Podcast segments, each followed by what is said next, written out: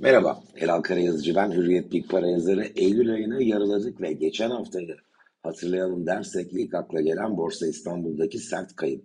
%4,5'luk bir düşüş, 8300 puanın üstünden BIST 100 endeksi 7962 puana geriledi.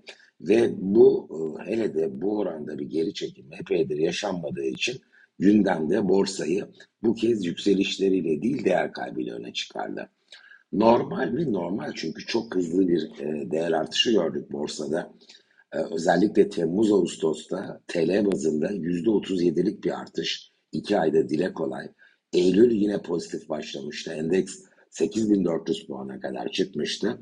Ama burada e, satış ordinalarının baskınlık kazandığını ve yeni e, katılımcı girişlerinin özellikle Türkiye'de yerleşiklerin fonlar üzerinden bunu gerçekleştirdiğini görüyoruz satışları karşılayamadığını ve bir geri çekilmenin gerçekleştiğini gördük. Şimdi teknik analizi yoğun şekilde kullananlar için 7 günlük, 8 günlük üstsel ortalamalar önemlidir ve endeksin bu son 7 günün, 8 günün ortalama değerinin altına gelişini e, bu yöntemi kullananlar bir trend değişikliği olarak yorumlarlar. Bir mantığı var mı? Elbette var. Çünkü alıcı baskınlığının bir teyidi, bir tescili oluyor e, bu yönde bir yaklaşım. E, bir kere endeks 8080 puanın, iki gün sonra bunu 8050 olarak da ifade edeceğiz. Çünkü oran e, değer sürekli değişecek. Endeks bu seviyenin üzerine çıkmadıkça teknik analize önem veren kesimin alıcı tarafta baskınlık kazanması zor.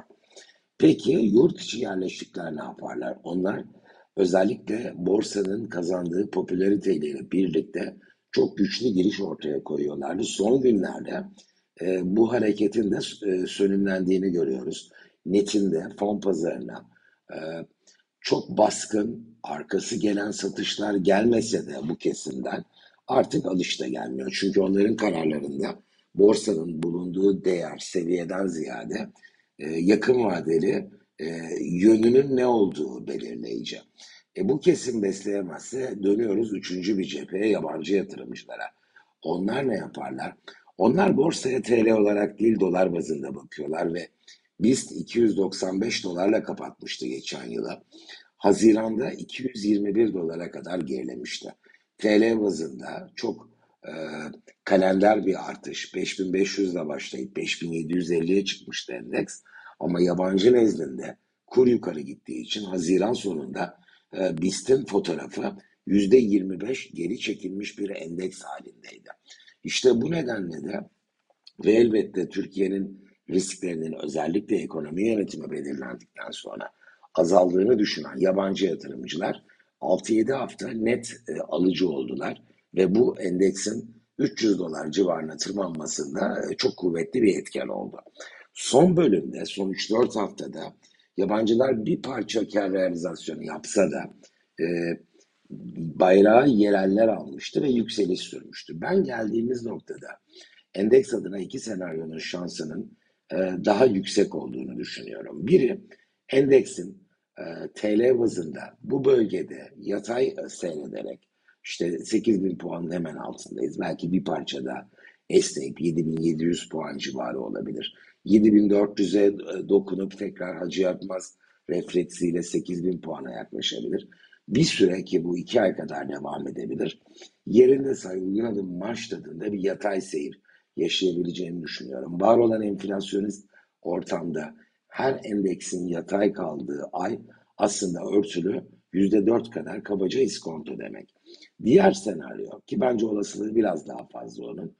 Endeksin aşağı yönlü bir salınım yaşayıp e, özellikle de eyvah düşüyor diyenlerin satışları, stop loss yöntemini kullananların e, bir bölümünün bu e, endeksteki aşağı yönlü hareketi e, bir korunma refleksiyle e, satıcı tarafta kendilerine bulunmayı gerektirecek noktaya etmeleri gibi gerekçelerle e, belki bu önümüzdeki 2-3 hafta içinde de olabilir endeksin 7300 puan, 7200 puan gibi bir bölgeyi belki biraz daha altını test edip e, bu aşağı yönlü ara negatif akımı e, tamamlayacağını düşünüyorum. Velev ki bu gerçekleşti.